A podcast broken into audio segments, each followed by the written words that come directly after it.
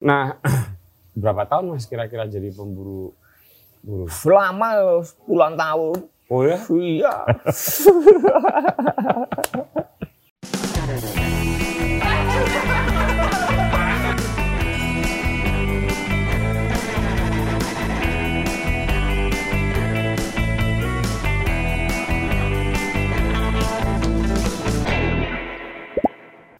Halo teman-teman, ketemu lagi dengan saya Putut EA, Kepala Suku Mojo.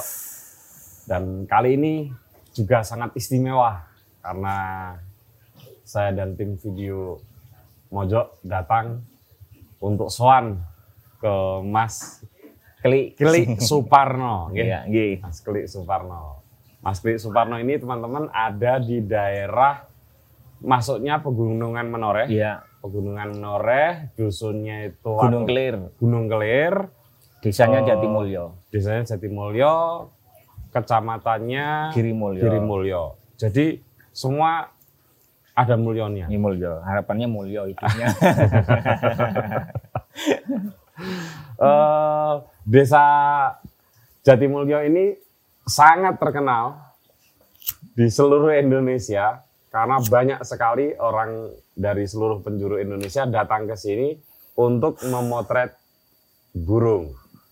Nah, sebetulnya saya mau eh, ngobrol dengan Mas Keli ini tentang bukan hanya seputar burung, Burung, ya. tapi tentang bagaimana kehidupan desa warga desa ini termasuk nanti munculnya kenapa ada konservasi burung menghasilkan kopi sulingan yang sangat terkenal Mas Kirno lahir dan kecil Di, tumbuh di sini. Iya. Hmm. Kalau rumahnya yang Ini nih rumahnya. oh jadi bener-bener Asli sini. asli sini. Iya. Dulu kalau boleh tahu Mas, warga sini itu eh, seingat Mas Kirno waktu kecil apa ininya eh, penghidupannya dari mana saja? Penghidupannya ya dari bertani, terus ada yang merantau juga. Hmm. Pertaniannya apa dulu? Kalau menurut ceritanya Simbah ya itu sawah dan kebun kopi. Sawah dan kebun kopi. Iya. Tapi kebun kopinya itu eh, dijual memang. Iya, Untuk memang dijual. dijual. eh, dijual. Nah ini datang nih. Ini yang Arabica. Arabica sulingan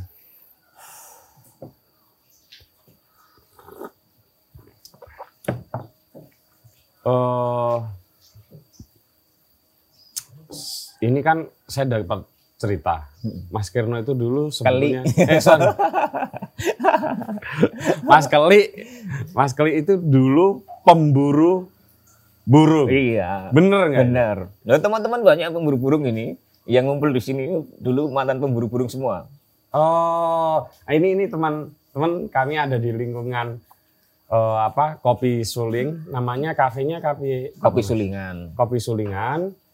eh, dipakai camp untuk teman-teman dari Wanapaksi ya mas. Iya, warna paksi maupun teman-teman yang peneliti atau peng- pengamat burung. Pengamat burung. Ya, terbuka untuk yang lain juga. Ya, kapan hari saya soalnya datang ke sini ada peluncuran eh, buku tentang burung yang diinisiasi oleh teman-teman dari Burung Nesia. gitu Iya, sih. iya. Oke mas, apa sih yang melatar belakangi kenapa jenengan berburu burung? Ya kalau berburu burung memang dari kecil ya ini senang. Terus setelah agak eh, dewasa itu memang untuk tambahan ekonomi sebenarnya berburu burung itu. mahal mas. Ya lumayan ada yang mahal, ada yang murah juga ya sama ya relatif. Mas. Caranya berburu gimana? Ada yang diambil anaknya, Hmm. ada yang dipakai pikat. Itu baik pakai kalau musim laron gini pakai laron. Itu di pikat, Iya. di pulut ya? Iya di pulut. Pakai pulut nongko itu? pakai pulut bendo. Nongko bisa, bendo bisa. Benda itu apa ya? Pohon bendo. Oh. Ya, saya tahunya pulut nongko itu cerita kecil nenek saya Hmm. gitu. Tapi orang orang ngerti caranya Iya. mas. Terus ada yang ditangkap malam kalau burung itu tidur. Bisa Bisa dijaring gitu. Pakai lem, oh, pakai tegek pancing itu. Heeh, terus di Iya, Jadi pakai lidi, Atur nanti lem tikus atau apa itu taruh situ, Hmm. tapi nanti di tegeknya ini apa? Dikasih longgar. Nah, burung kan tidur gini, Hmm. tempelkan di sebelah sayapnya, baru dibangunkan burungnya ini, dia ngepakkan sayap kan terkejut, Ah. akhirnya jatuh. Oh. Setelah itu dibersihkan, dirawat, Heeh. dirawat dulu ya, Ah, dirawat dulu, baru kemudian dijual. dijual. Burung apa seingat Anda yang dulu mahal? Sulingan, terus empuloh janggut atau cicak jenggot itu, dan burung-burung yang lain lah banyak yang di Mas Sulingan itu sebetulnya memang habitat yang paling banyak, eh maaf, burung yang paling banyak ada di habitat sini. Ya kalau banyak ya waktu dulu mungkin banyak ya. Hmm. Tapi kalau sekarang ya enggak. Kalau burung-burung itu ya bermacam-macam sebenarnya di sini itu. Hmm. Tapi sulingan itu sebenarnya di daerah lain juga ada kan? Ada, cuman sekarang ya susah juga di daerah lain. Oh gitu. Malah lebih mudah di Jatimulyo untuk ditemukannya. Hmm. Kalau seingat jenengan ada berapa jenis burung dulu waktu kecil ya? Kalau kecil banyak ya. Bahkan beberapa yang sudah hilang dari Jatimulyo itu ya kayak kucica kampung, terus cica daun, anis merah, anis kembang, geladik Jawa, decu, Hmm. terus Ah, orang ono sing ngerti. Kecuali glatik. macam-macam ya yang hilang terus. ngerti itu meng kacer, ya, cendet, ya cendet itu juga hilang ya, dari Jatimulyo. kutilang itu sebenarnya Ada, ada. kutilang masih di sini ada. Iya sama kutilang. Kutilang ya. Gendilang nih, nih, nih. sama ya mas ya? Sama, cuman mungkin beda nama dan setiap Beda nama aja. Nah, berapa tahun mas kira-kira jadi pemburu burung? Lama puluhan tahun. Oh ya? Iya.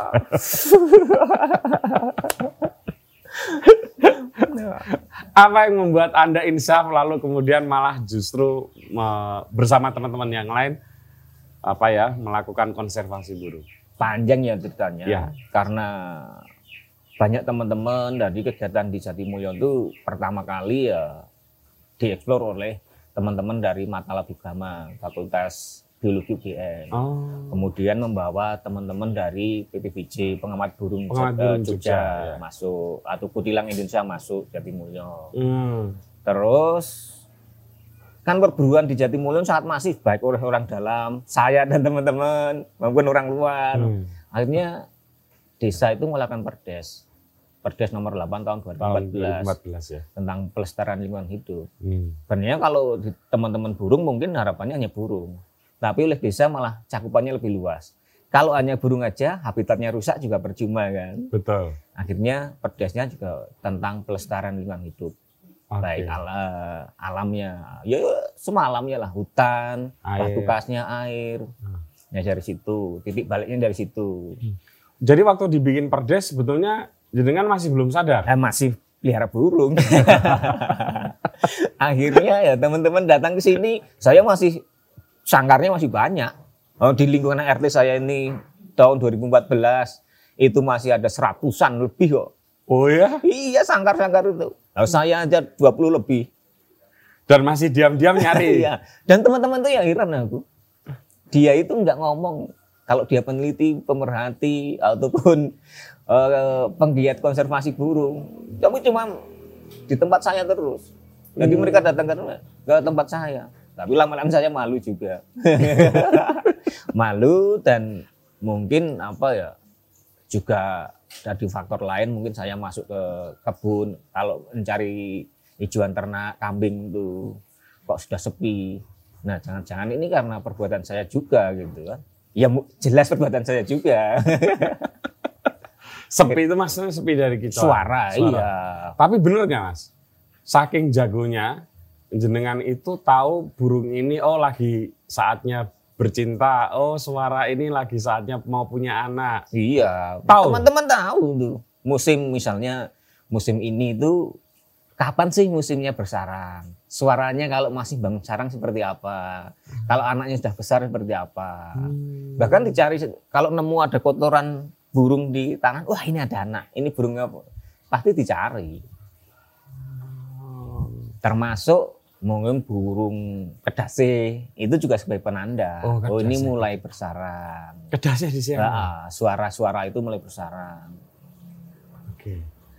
Gitu. Eh, sebelum lanjut ke soal burung mas, tadi itu kan Perdes nomor 8 tahun 2014 Ah, itu kan mengatur soal alam juga. Ah, ah.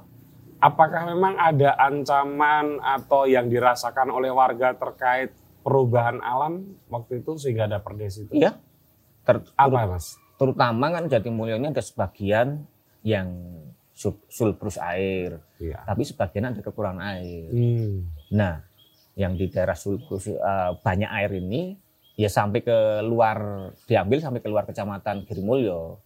Bahkan ada dari luar provinsi kalau musim kemarau itu ngambil air di sini. Pakai bak. Mobil, iya, Mobil, pakai Pak. mobil itu. Nah, semangat itu ya? Ah, semangatnya ya pertama adalah air. Hmm. Nah, air itu untuk dijaga agar air ini tetap terjaga ya kita harus jaga hutannya, terus jaga batu kasnya agar jangan ditambang. Dan da- dari situ kan nurun. Maaf, saya potong. Berarti di saat itu ada pembalakan hutan juga. Kalau pembalakan ya karena ini milik masyarakat ya tanahnya tuh. Tanahnya sendiri, Sendiri. sebenarnya. Oh. Nah, yang se- di- eh, ditekankan di situ, di Hmm. edukasinya di situ bahwa air ini penting untuk irung- eh, hidup orang banyak.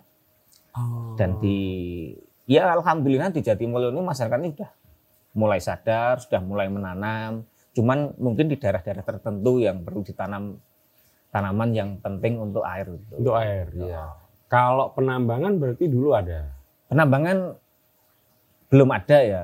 Cuman untuk antisipasi aja untuk yang Karena di sekitarnya ya. Mulai banyak penambangan ya. Ya. Karena kan ini kars banyak Tas, ya. iya. Iya. Nah, mak- makanya namanya wat apa Watu Kelir ya. Ya, gunung, Karena- gunung kelir. Gunung Kelir karena ada ada kelihatan kelir putihnya itu ya. Iya. Eh, terus Mas Kerno apa yang Anda lakukan pertama kali eh, untuk bersama teman-teman melakukan konservasi waktu itu?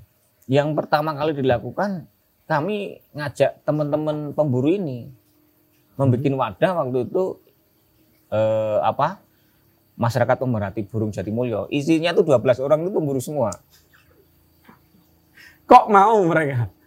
ya kan mereka karena faktor ekonomi Oke. faktor ekonomi berarti mudah dialihkan dicari carikan kegiatan yang lain yang untuk mengganti itu Apa itu Mas? Ya bantu ngolah kopi diajarin cara budidaya lebah Klanceng. Lajeng. Terus mulai juga kebetulan mulai juga dibuka beberapa wisata. Nah kan bisa dialihkan mereka. Iya, iya, Berburu ada iya, iya. tambahan ekonomi dari situ. Kalau Mudal itu masih masuk sini. Ah, Sebagian Gunung Kelir, sebagian Banyuwanti. Kalau Kadi Soko, apa? Kembang Soko, Kembang Soko, Gunung Kelir. Gunung Kelir ya. Oh, berarti itu maksudnya. Iya. Eh, berarti mereka merasa bahwa aktivitas itu bisa menggantikan pendapatan dari berburu-buru. Iya, Hmm. berburu. Ya, mereka kan lebih tahu pemburu itu eh, musim ini dia makan di mana. Ta- tanaman apa yang disukai. Nah, kan pindah-pindah. Terus Hmm. kalau habitatnya mereka lebih hafal karena pemburu ya. Iya. Nah itu. Nah, lebih dulu mana sebetulnya? Eh, ini kan ceritanya panjang ini Oh. teman-teman dan kom ru- bukan bukan rumit ya, tapi berjejaringnya itu eh, apa ya luar biasa. Mm-mm. Nah, duluan mana kopi sulingan dengan atau apa ya ikhtiar untuk budidaya dan menjual kopi dengan burung, mas, konservasi burung. Duluan kopi sulingan. Duluan kopi sulingan. Iya. Itu ceritanya gimana? Kalau Nah, kopi sulingan. kopi sulingan ini kan sebelumnya itu kan ada pertemuan ini ya semacam CBW Jogja Birdwalk gitu. Nah itu kan di desa Jatimulyo, di Kalurahan Jatimulyo waktu itu. Nah waktu itu Pak Lurah ngendiko, ini desa Jatimulyo udah mengeluarkan perdes tentang pelestarian lingkungan hidup. Teman-teman hanya mau datang, mengamati, terus balik pulang. Terus kontribusinya ke masyarakat apa? Hmm. Ditantang seperti itu. Akhirnya setelah itu eh, mereka berdiskusi. Nah tercetuslah nama kopi, eh, membuat produk namanya kopi, kopi sulingan itu. Hmm. Kenapa kopi yang diolah? Karena kopi ini kalau kami lihat masuk hutan, terus masuk perkebunan itu kan merah nggak pernah dipetik, Oh dulu nggak dipetik ya? nggak petik karena nilai jualnya rendah. Rendah. Nah, di samping juga dari secangkir kopi mungkin waktu itu pikiran kami dapat bercerita atau sebagai media promosi eh, ngobrol ngalor ngidul lah. Iya. Ini kopi ini misalnya kan ini dari mana terus di sana budayanya apa, wisatanya apa. Dan iya. dari situ pintu masuknya. Alat ngobrol ya. Iya. Monggo monggo. Iya.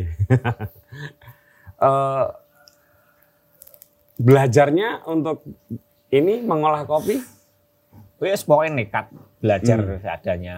Terus ada teman yang tahu gitu ngajak belajar Hmm. sama-sama gitu. Ya sampai awal-awal kami nyari kopi itu ya malah disuruh metik sendiri. Monggo kalau dibeli, kalau nggak dibeli juga nggak apa-apa gitu. Terus semangatnya memang kopi sulingan ini sebagian keuntungannya untuk kegiatan konservasi itu. Hmm. Nah dari situ baru kami membentuk masyarakat pemerhati burung Jatimulyo tadi yang Ya. isinya pemburu. Hmm. Tapi bener nggak mas, kopi sulingan ini sudah meraih beberapa penghargaan dan diakui sebagai salah satu kopi yang berkualitas bagus. Kalau penghargaan belum ya. Hmm. Itu Cuma- ada bukti-bukti apa? Ya, itu yang nulis-nulis aja. koran, di mana-mana. Ya mungkin sama dengan yang lain, cuman apa beda ininya lah, beda apa ya ngomongnya. Ya itu tadi, mungkin sebagian keuntungannya untuk kegiatan konservasi itu ada Hmm. nilai tambahnya dari situ. Tapi ini, anu kopinya itu apa? Proses natural proses. Natural ada, full wash ada. Full wash ada. Rasa manisnya ini didapat dari Ya memang karakternya ada karakternya manis-manisnya. bagus ya karakternya. Ini bagi teman-teman yang nanti apa eh, pengen mencicip salah satu kopi robusta terbaik sebetulnya salah satu kopi robusta terbaik di Jogja itu dari sini dari Jatimulyo. Kalau di Jawa Tengah itu salah satunya sekarang yang moncer itu di Temanggung, Mas. Iya, Tapi saya baru tahu ternyata di sini juga ada Arabica. ada. Nah, Kami sedikit. berarti saya dapat yang istimewa. Nah, begitu gini. Dulu harganya murah, Mm-mm, enggak dirawat. mm-mm. Terus kemudian mulai dipetik, Nah, mulai dijual. Nah, mulai mendapatkan harga yang ekonomis dan mulai ah, boleh dibilang mahal begitu, Mm-mm. itu mulai kapan, Mas? ya mulai kami ini proses. Kami memang dari sebelumnya itu an- antara harga sampai ada 1.500 sampai 2.500 ya. Terus kami beli 6.000. Itu gambling waktu itu. Iya, gambling memang. Tapi udah tahu hitung-hitungannya lah. Iya, 6.000 itu basah. Basah. Hmm. Petik sendiri ya, tapi Waktu itu petik sendiri. sekarang udah nyetor ya. Iya, ternyata juga susah. Metik satu hari itu lima orang hanya dapat lima kilo. Karena mereka teman-teman dari ya pengamat burung itu bantu juga kan. Hmm. Ya metiknya mereka nggak bisa manjat. Bahkan kopinya kopi naungan, kopi kopi liar itu. Oh iya, robusta liar Iya, lagi ya iya, kan tinggi tinggi tinggi. besar besar lagi pohonnya. Hmm. Dari situ. Terus dari kopi ini sudah mulai jalan. Enggak gimana bisa jual kopinya itu? Enggak mudah juga loh jual kopi. Awal-awal kalau ada kegiatan di desa, misalnya kunjungan gratis kopi, ya menyediakan gitu. Oh. Terus ada misalnya festival kayak di Jogja tuh apa ya di Taman Kuliner dulu ya Ikut. jualan ikut jualan di situ. Oh. Hmm. Dari situ terus Ya, ya, ya. ma- lama-lamaan terus kami ya mulai banyak tamu ya yang datang ya terutama karena ya tadi dari kopi terus membentuk masyarakat pemerhati burung Jatimulyo itu Iya. kemudian kok ini lihat lebah juga nggak dimanfaatkan mungkin kami membuat ya beberapa kali pertemuan Hmm. agar lebah ini tetap dilestarikan Akhirnya ada madu. ada madu, Madu kelanceng. Bentar mas, saya masih tetap mau ngejar yang kopi. Sekarang harganya berapa kopi? Kalau kami perbungkusnya itu ini ya, per 100 gram itu 20 ribu. Nah, per 100 gram sekarang itu bubuk ya sudah ya? Bubuk. Bubuk. Bubuk atau rospin sama kami jualnya. Ya mungkin lebih mahal dari yang lain ya. Uh, lumayan untuk ukuran robusta, 100 Iya. gramnya Nah, 20 ribu. nah. Berarti kan satu kilonya 200. keren. Isunya yang dibangun mas. Enggak, tapi enak mas. memang. Eh, ini ketinggian Kalau sini Lim- 600 ya. Iya, 572. Jadi ya robusta ma- mantep-mantepnya ini di ketinggian ini. Nah, eh, sekarang produksinya rata-rata per tahun bisa menjual berapa? Antara 600 sampai satu ton ya. Nah, Green beans tuh. green bean dari green bean. Kalau tadi roast bean-nya beda lagi. Beda lagi, Turun sekitar 20 persen lah. Ya, 20, 15 persen. 15 sampai 20 persen. Tergantung apa natural prosesnya. Mm-mm. Yo, tapi masih banyak. Tapi itu masih pasar masih terbuka untuk Jatimulyo. Mas, untuk kopi Jatimulyo. Ya. Artinya tetap kalau misalnya produksinya ditingkatkan, serapannya masih terbuka. masih. Cuman kalau untuk nanam lagi ya mungkin di lahan-lahan yang kosong aja. Iya, nah ini menarik juga karena Mas eh, Kelik dan teman-teman ini ternyata bersepakat walaupun harga jual kopi Jatimulyo atau kopi Sulingan ini mulai mahal, mereka tidak mau eh, konsentrasi untuk kopi saja ya Mas Iya. ya. Kenapa Mas? Alasannya? Yang pertama kalau di kopi lagi ya mungkin eh, habitat untuk sapa akan berubah. Oke. Terus untuk ketahanan pangan misalnya kita nanam kopi aja untuk menghasilkan kopi siap dijual itu kan matangnya ya 9 bulan. Betul. Dari mulai bunga sampai matang itu 9 bulan. Hmm. Kan nggak kuat juga. Iya. Sedangkan kepemilikan lahan di Jatimulyo itu ya antara 2000 ada yang punya 5000 itu kan sangat rawan sekali. Iya, kecil untuk ukuran petani sebetulnya. Iya. 2000 meter sampai 5000 meter itu. Persegi ya.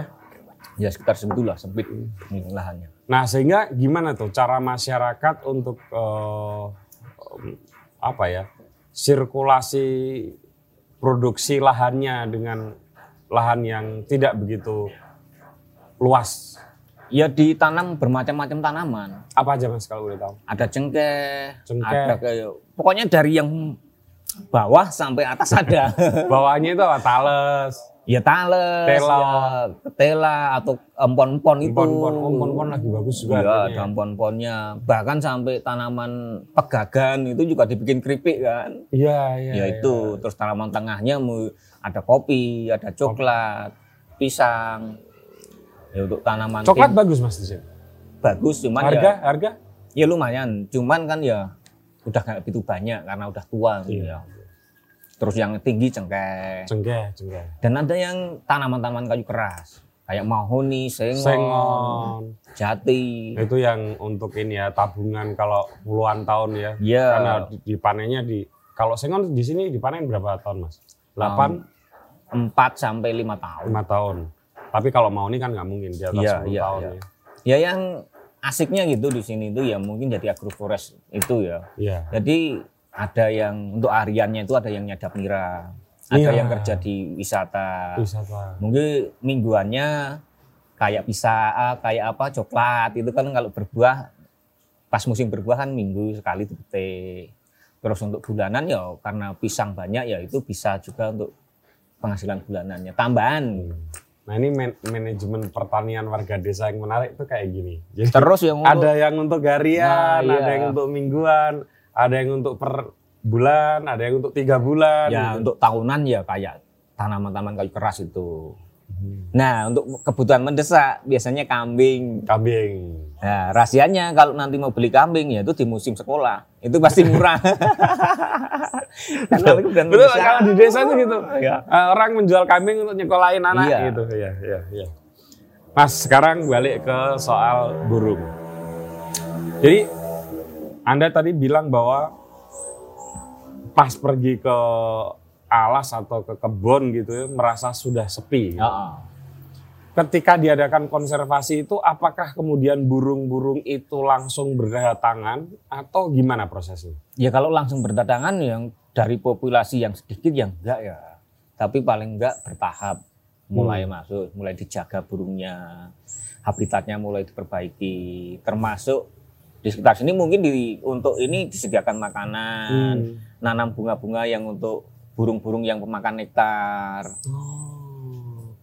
Termasuk buah-buahnya juga ya. Iya. Terus ada juga program adopsi sarang burung.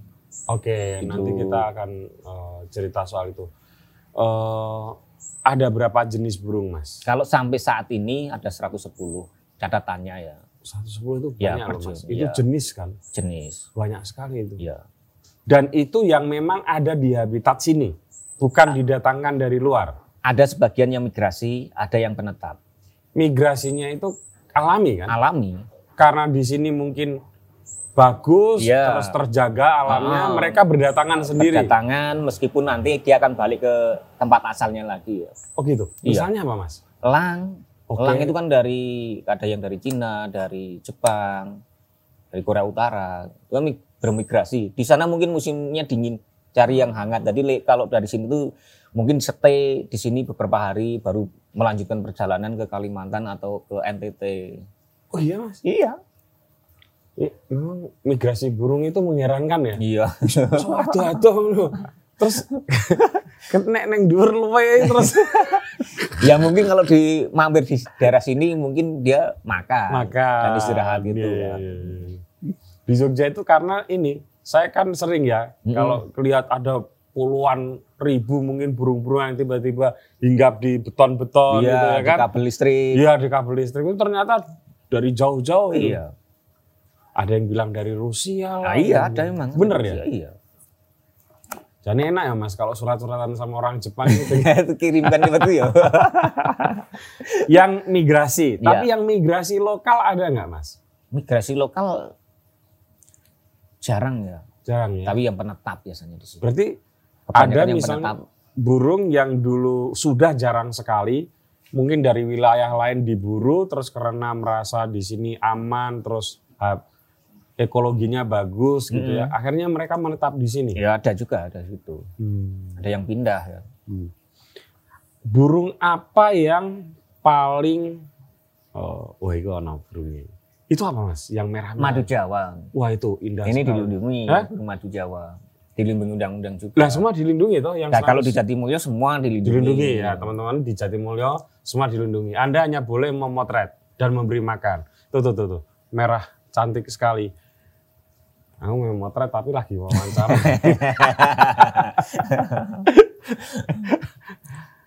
Eh, nah yang kayak kayak gini nih mas, yang Hmm. dilindungi ini, ini dulu memang ada waktu kecil anda. Ada. Yuk, yuk sampean tangkepin biar. Iya, semua jenisnya ditangkap aja. Dan mulai banyak sampai di sekitar-sekitar sini ada banyak burung itu. Itu mulai kapan? Kan perdesnya baru loh itu. iya. Nah dari tahun situ kan 2014. dari 2014 kemudian masuk 2015 ngerjain kopi, membentuk MBBJ tadi, terus akhirnya ada gagasan program adopsi sarang, Hmm. terus ada ide juga menjadikan Desa Jatimulyo Desa Ramah Burung. Oke. Dan makin banyak teman-teman Iya. dari seluruh Indonesia berdatangan ke sini ya Mas. ya. Mas, eh, apa hukuman kalau orang berburu burung di Jatimulyo? Kalau sementara ini hukumannya ya diperingatkan sama disita alat-alatnya, burungnya dilepaskan. Hmm, kalau ketawa. Iya, Tapi kan mungkin ada ya. ada pasti lah ada. ya. Oh, burung kak burung saking banyaknya siapa Iya. yang nggak tertarik? Apalagi kan di Jatimulyo yang dilindungi. Sedangkan burung itu kan nggak punya KTP, dia bisa pindah ke desa sebelah. Itu maksud perbatasan. saya. Kalau kayak gitu gimana ya caranya? Ya paling nggak sekarang dibikin jejaring ya antar desa. Harapannya misalnya burung yang diadopsi di Jatimulyo, anaknya udah terbang. Iya. Kalau di Jatimulyo kan mereka nggak punya KTP, jadi Betul. terserah mereka mau ke mana. Betul, Raiso dilarang Iya, ya kalau betul mereka terserah. Pindah ke perbatasan ditangkap, juga Nah. bisa ditangkap oleh orang luar atau orang desa itu kan Hmm. nggak bisa. Nah harapannya sudah landscape ya, menoreh. Nah kami Mulai kampanye. nah, ah, dibantu beberapa LSM juga, Iya, iya, agar masuk ke desa-desa di tetangga Jatimulyo. iya. Dan harapannya seluruh menoreh lah kalau bisa. Bahkan Indonesia. Ya, ya, ya, amin. Karena ya itu di sini di Jatimulyo, bagaimanapun Jatimulyo itu kan hak sebuah desa. Iya. Nek pas manuke pengen dolan ning desa liyane. ya mau di sini udah kenyang pengen main Ya. ke desa lain di desa lain ditangkap kan ya perjuangannya agak lebih. Iya. Tapi rasanya menurut eh, Mas Keli makin terasa makin banyak gitu Mas. Makin banyak tingkat perju eh, ditandai tingkat perjumpaannya lebih mudah. Ditandai tingkat perjumpaannya lebih mudah. Mm-mm. Varit apa? Jenisnya gimana? Juga lebih banyak. Yang mudah dijumpai lebih banyak. Artinya ada dulu burung-burung yang mulai Mas Keli nggak sering lihat, mulai Hmm. bermunculan lagi. Bermunculan. Nah. Ya, eh, eh, bermunculan. Ya Hmm. contohnya di sini lah. Kadang ada yang masuk rumah. Kalau dulu ya mungkin sudah cita-citanya eh, mulai mulai mendekati desa ramah burung ya. Iya. Jadi burung itu bisa hidup berdampingan dengan masyarakat. Mereka aman dan bisa memberikan nilai tambah atau manfaat kepada masyarakat baik langsung maupun tidak langsung. Hmm, hmm. Mas, kalau ada orang yang, mohon maaf nih, Hmm. kita kan eh, ngomong bagaimanapun di Indonesia tingkat perburuan burung itu masih sangat tinggi ya. Masih sangat tinggi. Dan mereka itu eh, rata-rata, saya pernah berjumpa dengan beberapa dari mereka. Kalau ditanya, ya memang apa sih, apa sih gunanya Iya. burung di burung dilestarikan gitu? Iya. Ya. Kan ya di rumah juga saya lestarikan gitu Iya. loh. Itu gimana tuh menjawab kayak gitu? Ya kalau dilestarikan di rumah kan mereka juga nggak bebas ya. Hmm. Kayak di penjara. Coba Oke. kita kayak dimasuk di situ mereka untuk reproduksi juga nggak bisa. Makanannya juga itu-itu aja nggak variatif meskipun disediakan. Tapi, Tapi mereka kan nggak mereka juga dikembangbiakan, Mas. ada juga seperti itu. Hmm. Tapi kan kalau di sangkar yang menikmati hanya yang pemilik. Orang umum nggak bisa. Hmm. Nggak bisa men itu. Itu dari aspek orang menikmati. Kalau Iya. dari aspek ekologinya atau alamnya gimana, Mas? Ya mau ada beberapa burung itu kan ada yang kalau kayak burung-burung pengisap nektar itu kan bantu penyerbukan. Terus pemakan biji itu juga menyebarkan biji-biji itu. Biji-biji, Ya contohnya kalau ada pohon fikus, kalau nggak ada burung yang memakan biji itu, misalnya udah besar itu pohonnya fikus, dia jatuh di bawahnya, kan juga nggak tumbuh. Betul. Akhirnya nanti yang tua itu mati, ya akan hilang juga kan. Hmm. Apalagi nanti kalau yang burung-burung pemakan serangga itu kan juga membantu mengendalikan hama atau burung-burung predator Iya. itu. Terus untuk manfaat yang tidak lang eh, yang langsung mungkin dari kegiatan wisata, Iya. wisata fotografer pengamatan burung. Ah, Oke. Nah, sekarang kita bercerita soal ide kenapa ada apa? Adopsi sarang burung. Iya. Nah, itu gimana tuh? Lah ceritanya kan dari awal Perdes masyarakat Jatimulyo sudah tidak boleh berburu. Hmm. Sedangkan burung itu itu harus memberikan manfaat baik langsung maupun tidak langsung kepada masyarakat. Terus dengan program adopsi sarang burung itu sebagai jawaban Perdes. Hmm. Meskipun awalnya diinisiasi oleh Kopi Sulingan ya bahwa Iya. sebelumnya burung yang diambil tapi setelah adanya Perdes kopi yang diambil dulu baru masuk program adopsi sarang. Karena Oke. untuk uji coba pertama memang yang melakukan Kopi Sulingan. Hmm. Nah dari situ tujuannya untuk memulihkan populasi burung yang sudah menurun di Jatimulyo. Jadi ada kriterianya. Burung-burung yang populasinya sudah menurun, terus burung-burung yang rawan diburu, terutama burung kicauan. Hmm. Nah itu yang diadopsi. Hmm. Cara atau teknis mengadopsinya gimana? Jadi awal-awal ada yang tim yang mencari sarang. Oke. Nah kalau sekarang ya mereka masyarakat melaporkan. Hmm. Ya jadi kalau ada sarang burung yang aktif atau ada yang melaporkan ke KT Hewan Paksi, nah dari KT Hewan Paksi akan mengutus anggotanya untuk mengecek sarang ini aktif enggak. Kalau aktif masuk prioritas untuk adopsi enggak. Kalau masuk baru dicari pemilik lahannya siapa, masuk wilayah RT mana. Nah setelah ketemu pemilik lahan, ketemu ya semua itu baru kami tawarkan ke Hmm. masyarakat luas. Siapa yang tertarik untuk kegiatan adopsi sarang burung atau kegiatan konservasi di Jatimulyo Cara menawarkannya lewat medsos. lewat medsos. Kalau awal-awal lewat teman-teman dulu, teman-teman dekat dulu. Oh. Nah dari situ kalau mereka yang mau ngadopsi ini kan misalnya sudah tertarik Iya. akan mengisi Google Form. Nah di situ ada persyaratan, misalnya perjanjian lah. Iya. Perjanjiannya kalau burung gagal karena alam itu uang nggak nggak dikembalikan atau di kalau burung itu gagal karena faktor manusia akan dikembalikan dan Oh, perjanjiannya gitu ya? akan selesai kalau Hmm. anak-anak burung ini udah terbang. Udah terbang. Nah, nah untuk nilainya dari 800.000 sampai 1.500 itu tergantung prioritasnya. Hmm. Nah, kami bikin itu kan dari uang itu kami salurkan ke beberapa masyarakat yang terlibat. Misalnya ke penemu sarang, dia mendapatkan dari situ itu juga. Oh, Pemilik lahan mendapatkan, oke. kas RT wilayah sarang itu, Hmm. kas KTH, bikin hiding, bikin uh, untuk operasional, termasuk untuk teman-teman yang ngawasi tiap hari Iya, iya. dari situ. Dan mereka katanya dapat laporan, ya? Iya, dapat laporan. Laporan ada yang video, foto, terus ya perilaku burungnya lah. Nanti di akhirnya dapat, termasuk sertifikatnya. Oh ya, ya, ya. Nah, sebentar mas. Hmm. Jadi yang untuk adopsi ini kan sebelumnya, sebelum ada program ini atau sebelum ada perdes, pemilik lahan ini nggak mendapatkan apa-apa. Tapi dengan adopsi ini, meskipun dia tidak tahu, tidak merawat, dia mendapatkan dari situ. Iya. Kalau satu sarang 125 ribu lah untuk pemilik lahan. Hmm. Untuk kas RT itu 50 ribu. Hmm. Meskipun itu hanya sedikit, tapi kalau dikumpulkan kan bisa untuk beli lampu, beli tikar. Jadi manfaatnya ke banyak orang. Ya, ya. Dan harapannya, dan Mereka alhamdulillah juga bukan harapan, sekarang masyarakat ikut menjaga. Menjaga. Karena mendapatkan manfaat dari situ. Ya, ya, ya.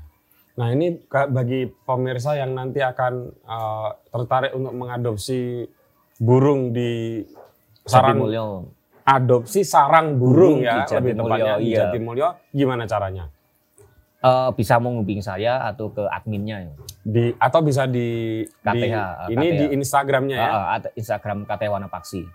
Oh di KTA KTH Warna Paksi. KTH Warna Paksi bukan yang di Jatimulyo, Bukan. bukan yang di Burung Jatimulyo. Ya itu itu juga bisa. Bisa, tapi, ya? Tapi Oh, saya jadi- teruskan ke teman-teman KTH. Oh burung Jatimulyo jenengan ya ini. Wah. Nah, jadi teman-teman itu eh, tidak terlalu mahal. Ka- kalau teman-teman tertarik nanti bisa eh, menghubungi Mas Keli atau tadi di akun-akun Instagram yang disebut oleh eh, Mas Keli. Nah, Mas sampai sekarang ada berapa orang yang terlibat mengadopsi sarang burung? Waduh saya agak lupa ini. Tapi lebih dari 30 lah. Hmm. Ada catatannya juga sebenarnya. Iya, iya. Terus untuk anakan yang berhasil terbang itu 93. Terus pemilik lahan yang terlibat itu yang dipakai itu ada 29 pemilik lahan. Hmm. Terus jumlah dana yang masuk itu yang sudah disalurkan 45 juta berapa lupa saya. Padahal itu program baru ya. Iya. Dan itu satu-satunya waktu itu di Indonesia. Meskipun sekarang banyak. Ya alhamdulillah mereka banyak eh, di Indonesia banyak yang tertarik untuk mengadopsi program itu. Iya. iya. Eh, di beberapa tempat, setahu saya teman-teman, sekarang bukan hanya burung ya, Iya. tapi juga tumbuhan. Iya, Ya, ada. di di tempat-tempat tertentu yang apa lingkungannya mau diselamatkan dalam tanda kutip penanaman pohon itu untuk membantu proses apa ya reboisasi itu kan nggak mudah ya Iya. terutama perawatan gitu ada adopsi juga adopsi Pohon. pohon ya dan saya kira itu kerjasama yang sangat menarik gitu nah Mas Keli Hmm. ini kalau jujur ya Hmm. pendapatan dulu dari berburu burung dengan sekarang dalam situasi seperti ini saya lebih banyak mana Ya lebih banyak, eh, lebih banyak sekarang ya. ya karena kalau diburu kan lama-lama juga habis. Ah, iya betul Tapi dengan ada kegiatan konservasi ini, ya makin banyak. Meskipun tidak hanya dari eh, memandu wisata burung, Hmm. tapi kan masyarakat yang mendapatkan manfaat itu banyak.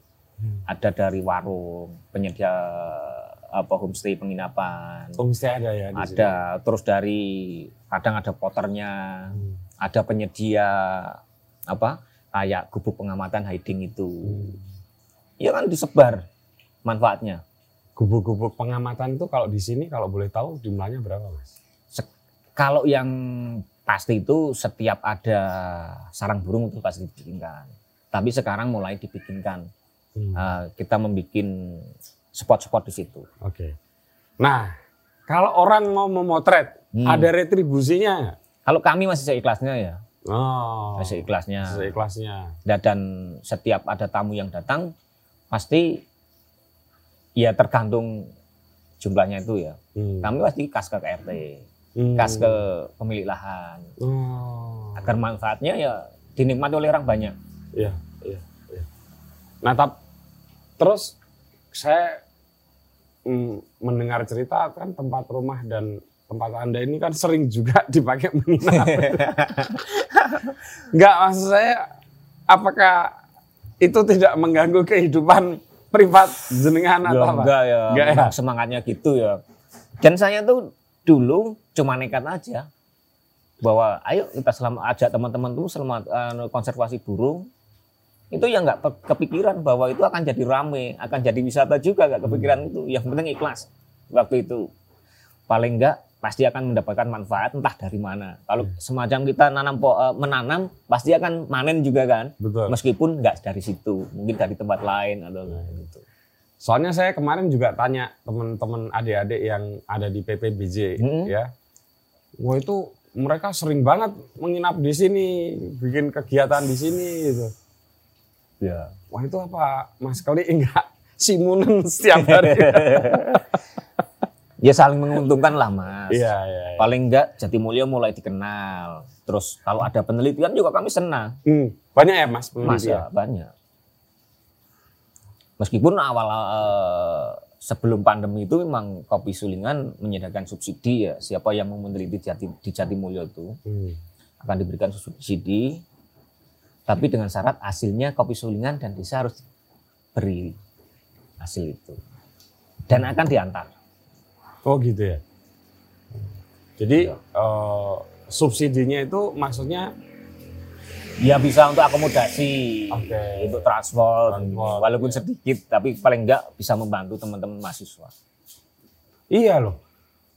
Kok bisa ya mereka malah mendapatkan uang itu? Ya kan, ya mungkin apa ya? Dan mereka membantu ya memang Iya. membantu mengamati. Iya. Mungkin hasilnya apa? Kan kan mesti ada hasilnya. Oh dari penelitiannya ini hasilnya, gitu Hmm. kan. Ada yang awal-awal mungkin jenisnya. Bahkan kalau saya nggak salah data atau informasi eh, pernah Desa Jatimulyo itu membuka mahasiswa yang mau penelitian di sini untuk dibiayai dalam tanda kutip, tapi datanya harus diberikan ke Iya. desa. Itu benar. Bener, kopi sulingan sebenarnya yang biayai. Kopi sulingan. Wah. Jadi teman-teman kalau beli kopi sulingan jasa Anda besar sekali. Eh, eh, bener mas. Bener. Mahasiswa skripsi dibantu. Iya, bener, ada beberapa yang sudah. Oh iya iya iya. Wah, kok bisa sih kepikiran kayak gitu? Ya memang semangatnya itu dari semangatnya awalan sebagian untuk kegiatan konservasi. Oke. Ya, peneliti itu juga sangat penting ya buat kami. Nah, kalau mau beli kopi sulingan gimana caranya? Eh, tolong dong, bisa diambilin itunya nggak? Dikunci nggak Kas? Mas Kasiti. Ya nanti diambil. Cara belinya gimana mas? Lewat medsos atau lewat Medsos apa? Berarti Tapi lewat belum belum inilah secara online itu belum. Mungkin hubungi ke bisa ke apa Facebooknya Kopi Sulingan atau ke saya ke Facebook saya. atau lewat Instagram bisa ya. Iya bisa. Soalnya banyak yang sekarang udah nggak Facebookan ya mas. Instagram ada Iya iya. Sini dek. Ya seperti ini. Ini udah udah bubuk gitu teman-teman. Ini ini berapa? dua puluh ribu, 100 gram. 100 gram ya. Jadi nanti teman-teman kalau pengen beli kopi ini, ini bukan hanya membantu warga Jatimulyo, tapi juga membantu konservasi burung dan para adik-adik peneliti eh, yang ingin eh, melakukan penelitian di Desa Jatimulyo. Ya. Mas, dengan banyaknya orang datang ke Jatimulyo, terutama para pengamat burung, Mm-mm. para peneliti, apa yang paling apa ya? Paling Mas Klik rasakan dengan kedatangan teman-teman itu? Pertama ya pengetahuan kami bertambah. Hmm. Terus banyak saudara. Oke. Terus dari mereka datang ini kan juga memberikan manfaat pada masyarakat. Hmm. Baik itu secara langsung maupun tidak langsung ya. Ada yang kadang juga beli oleh-oleh, Iya. Jatimulyo, Hmm. warung juga kebantu kan. Iya. Atau penginapan rumah-rumah warga itu. Hmm. Oh, di awalnya juga susah lah karena waktu Jambore Capung tahun 2017 itu mereka mau camping. Nah waktu itu saya saya nggak akan mau, nggak akan bantu kalau camping. Harus nginap di rumah. Harus warga. nginep ke warga ke rumah warga. Menarik itu. Meskipun saya ikhlasnya, paling nggak di sela-sela acara bisa Ngobrol. berdiskusi ngobrol. Apa sih pentingnya capung, pentingnya burung. Hmm. Nah nanti dari tamu yang datang juga akan mendapatkan ilmu mungkin cara bertaninya seperti apa, kehidupannya seperti apa. Agar ini apa ya terjalin ikatan gitu. Iya, iya. iya. Akhirnya mau. Ya mau. Ah, saya baru tahu loh ada jambore capung. ya ada pengamat khusus capung. Ada. Di sini ada berapa capung mas? Ada 30-an jenis. Tik. Aku ngerti ku capung ya, siji. Gue ngerti piro? Jenis capung ya. Lalu saya di awal pun saya nggak tahu apa sih manfaatnya capung. Ternyata capung itu sudah dari mereka dikasih tahu bahwa capung ini ada yang bisa untuk indikator pencemaran aliran air. Terutama capung-capung jarum itu. Kan apa ya kalau mereka larvanya atau apa Iya, iya. iya. itu kan di air. Kalau airnya tercemar kan mereka juga mati. Iya. Kalau saya setahu saya itu anggang-anggang. Nah. Di sini ada ya mas? Ada. Nah itu biasanya untuk apa? Ada, Mendeteksi apa? eh, airnya masih bagus atau enggak. Gitu. Terus selain capung kupu-kupu mas ya? Kupu-kupu banyak. Berapa mas? 100 lebih jenisnya. Jenis loh Ya. ya? Jenis loh teman-teman. Kalau yang di sini 97 atau 98 ya. Oh yang- sudah sempat didokumentasikan. Ah, ah, tapi untuk ini yang dari ada mahasiswa yang untuk melakukan itu. penelitian. Tapi untuk yang awal itu 100 lebih. Ya mungkin karena hanya dua orang, sedangkan yang awal itu kan banyak yang ikut terlibat ya. Oke. Berarti burung, capung, kupu-kupu ya, Mm-mm. yang sekarang mulai eh, Iya. orang berdatangan ke Ah, Jatimulyo ya. Air pet aja. Oh Ada ya, ular. Ular, kadal, kodok. Nek itu ada juga. Nek medeni. Ular terus piye Mas nek ular Mas? Nah, itu yang juga awal-awal ada teman-teman yang suruh, ayo antar kita hunting ular. Oh iya, tak antar, tapi mudah-mudahan nggak ketemu aku. Karena saya juga takut. Tapi ada berapa jenis ular? Berapa ya itu lupa saya. Lupa ya? Kalau ular pokoknya ular aja aku. Nek kodok ini memang banyak apa Mas? banyak, jenis-jenisnya banyak. Oh. Itu kodok, ular itu ya banyak jenisnya. Kadal ya. Iya. Nah, sebentar lagi ada ketika kami lagi syuting itu besok berarti itu ada acara juga di sini. Apa namanya ya? Lali ya? Ini lomba foto konservasi ya. lomba kok foto konservasi. Itu gimana tuh lomba foto konservasi itu? Itu pendanaannya dari Danais. Oke. Lewat Dinas Pariwisata. Yang mau ikut berarti berburu burung. Oh iya, Diantar sama orang atau berburu sendiri? diantar ya. Berburunya berburu foto ya. Iya berburu foto. Nanti terus fotonya dapat hadiah loh, lumayan besar. Kalau nggak Iya. salah nomor satu 7 juta. iya. Terus yang nomor 6 itu 2 juta, terus 30 nominasi itu dapat 1 juta. Dan itu Sering mas kegiatan kayak gitu. ya sering, cuman untuk tingkat lomba ya baru ini ya. Hmm. Tapi tujuannya memang untuk promosi Jatimulyo, promosi Klon Progo maupun DIY juga ya. Iya, iya, iya. Kalau semacam festival-festival dan jambore gitu, kalau burung ada mas Ada. di Ada. sini. Pernah di sini tahun 2018 itu pertemuan pengamat burung Indonesia. Oh, Sistemnya juga kayak gitu, harus nginep di rumah warga. warga. Oke. Jangan hanya di tempat eh, atau camping di mana terus menggunakan lahan milik warga. Enggak memberikan manfaat ke warga. Linteng nanti bisa nginjak-injak tanaman.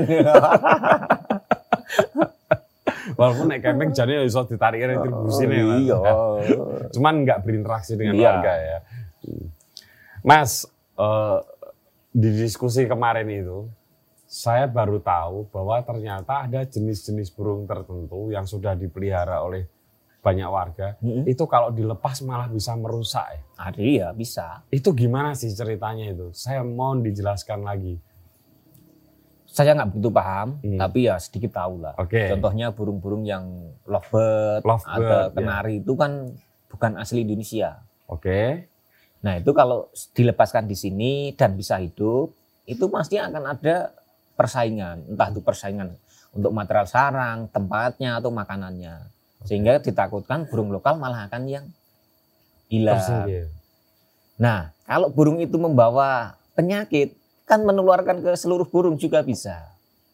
Hmm. Makanya memang untuk rilis itu sangat hati-hati sekali. Sangat hati-hati dan di Jatimulyo untuk sementara belum ada rilis ya Mas ya. Ya, kalau rilis elang sudah beberapa kali. Oh rilis elang. Beberapa kali. Kalau elang ya kan memang elang. Elang itu ya memang burung yang ada di ada di sini. sini gitu. Dan itu untuk rilis ya harus disiapkan kesehatannya burungnya, Hmm. terus sediakan apa secara fisik lengkap, Kuat. Ya. Secara kesehatannya baik, Dipantau lagi. Iya, terus eh, sifatnya sudah sifat liarnya sudah muncul. Muncul. ya. Dan dibikinkan di situ kandang habituasi yang besar ya. Ada Terus- kandang habituasi juga. Ada.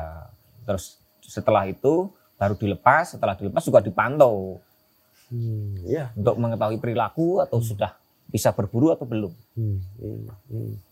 Artinya misalnya eh apa? Kalau orang punya inisiatif untuk melepas liarkan burung belum tentu bisa dilakukan di Jatimulyo. Belum tentu bisa. Karena burung itu belum tentu sesuai dengan habitat di sini. Heeh. Cuman memang harapan ke depan kami bisa menyediakan kandang habituasi. Iya, iya. Meskipun nanti ya entahlah mungkin kerjasama dengan dokter hewan atau apa untuk mengetahui ngecek kesehatannya dulu. Hmm. Setelah itu baru dimasukkan ke kandang habituasi. Hmm. Nah, itu baru dilepas. Tapi karena mungkin swadaya, nanti yang undang orang untuk lepas harus ganti untuk operasional. Oh iya, iya, iya. Memang memang perlu beraneka cara. Iya. Mas, kalau jalak di sini ada? Jalan nggak ada. Nggak ada ya? Nggak ada. Jalak di sini. Nggak, karena kemarin saya de- dengar cerita teman-teman salah satu burung yang ya pas diskusi di sini. Salah satu burung yang paling langka di Indonesia itu kan jalak Bali kan. Akhirnya jalak Bali bisa kembali di Iya. Alhamdulillah itu Iya. sudah bisa dan sebagian juga udah mulai dikembalikan lagi ke alam ya. ke Bali ya. Iya. Nah, kalau warga yang datang ke sini, ini para fotografer, Mm-mm. yang ada nggak yang menjadi idola mereka pengen motret? Banyak ya, ada yang kayak yang endemik itu burung madu Jawa yang ini, itu kan endemik Jawa. Yang merah Oh, tadi. Yang merah tadi. Tunggu ya ono meneh, iku ono meneh Mas. Iya. Yang agak coklat itu apa itu? Ini Sriganti. Itu tuh loh. Iya. Enggak dong, kecil itu. Oh, ini cininan pisang. Kalau yang itu Sriganti. Ah, wih banyak banget ini teman-teman. Kalau itu cabai yang sebelah sana, cabai bunga api. Itu apa Mas yang ada pisang-pisangnya? Tadi bilang apa? Ini cininan pisang. Cini- Pren- Cininen. Cininen, Nah, pisang. pisang. Pisang buah itu. Nah, oh, nama Karena- burungnya. ya, enggak maksudnya karena dia makan buah. Ah, enggak, mungkin karena hinggap-hinggap di pohon pisang itu. Itu memakan serangga. Oh. Kalau dikasih laron dia akan nyamber. Ini Mas coba, Mas Siti kasih laron. musim, mumpung masih musim ya nih. Oke, terakhir Mas, kalau eh, Mas Kli, kalau misalnya teman-teman mau datang ke sini, itu biasanya direkomendasikan kalau mau motret itu sebaiknya di bulan apa atau waktunya Kalau di kami ya sepanjang tahun lah. sepanjang tahun. Karena Mas, ya? burung di sini itu enggak ma- ya ada yang di hutan, tapi paling enggak di sekitaran rumah ada. Karena memang cita-cita kami bahwa Jatimulyo ini desa ramah burung. Jadi desa yang apa ya pertaniannya maupun perkebunannya aman bagi burung dan burung itu bisa hidup berdampingan dengan masyarakat aman bisa Hmm. berkembang biak di situ Hmm, dan dari burung itu juga ber- bisa memberikan manfaat kepada masyarakat. iya. Jadi nggak perlu takut lah masuk hutan kehujanan kita di samping rumah juga bisa. Kalau jam mas yang direkomendasikan? Soalnya kan pagi ya. Ya pagi. ya. Jam-jam 7 gitu ya. Nah, bahkan ada yang lucu mas. Gimana? Jadi waktu pandemi kan teman-teman yang kerja di wisata itu kan ya tutup ya. Nah, mereka kembali ke kebun, ke ladangnya masing-masing. Hmm. Nah, waktu itu ada laporan, ini ada burung kingfisher raja udang bunga merah. Ah. Nah, setelah saya cek memang ada. Kemudian saya bikinkan hiding kecil. Nah, saya mau ke toilet, ternyata salah satu warga itu ya kurang beruntung lah secara ekonomi. Nggak punya toilet. Akhirnya aku bikinkan hiding yang besar. Dan aku bikin open donasi. Siapa yang mau motret burung ini harus berdonasi untuk membikinkan toilet. Oh. Dan akhirnya jadi. Dan sisa dari dana donasi itu untuk bikin jalan setapak. Nah intinya bahwa dari burung juga bisa untuk aksi sosial. gitu. Iya. iya, iya. Terakhir banget mas. Anda kan dulu selain pemburu otomatis pasti menyukai burung kan? iya. Kicau burung. gitu. Mm. Dulu punya sampai puluhan Iya. eh, sarang gitu. Nah sekarang untuk menikmati itu lagi gimana caranya? Ya menikmati saya ma eh, masuk ke hutan. Kalau enggak ya di samping-samping rumah. Di sini aja udah bisa ya. Oke, Mas Kli, matur nuwun sangat. ya, Teman-teman, kalau mau ngobrol asik dengan Mas Kli, silakan datang di warung kopi Sulingan, ya ada di Google Map, tidak, ya ada di kawasan Gunung Menoreh, tidak jauh dari eh, wisata eh, Sungai Mudal Sungai Mudal, terus dan Kembang Soko. ya sungainya enggak, Mas yang Air Gua- ke Kiskendo. Kiskendo, ya. Jadi Kiskendo eh, lurus terus. Ini kalau terus langsung ke Kulon Ke Sermo, ke bandara bisa. ke Senwa ya. Iya. Ya, begitu teman-teman. eh, silakan datang ke sini dan konon eh, karena saya belum pernah menginap di sini. obrolan paling asik dengan Mas Keli dan kawan-kawan para penyuka dan peneliti burung, pemerhati burung itu biasanya di malam hari. iya. Eh, sambil menikmati ini apa kudapan terus ngopi ya, sambil ngobrol tentang burung dan alam ya. Jadi Iya. burung bukan hanya sekali lagi bukan hanya burung saja di sini tapi juga tentang alam dan tentu saja tentang manusianya. Saya kira yang paling menarik dari pengalaman yang ada di Jatimulyo adalah manusianya itu benar-benar tidak disingkirkan dari alam. Ya. Burungnya tidak disingkirkan dari alam, manusianya juga tidak disingkirkan dari alam. Ya. Karena ada loh mas, Oh, iya. konservasi-konservasi yang menyingkirkan manusianya dari alam. Oke mas, Ya, matur nuwun sangat. ya, Ya. Oke teman-teman sampai ketemu lagi dengan tamu saya selanjutnya dan ya semoga ketemu lagi orang-orang inspiratif seperti Mas Kli. Sun mas. Ya.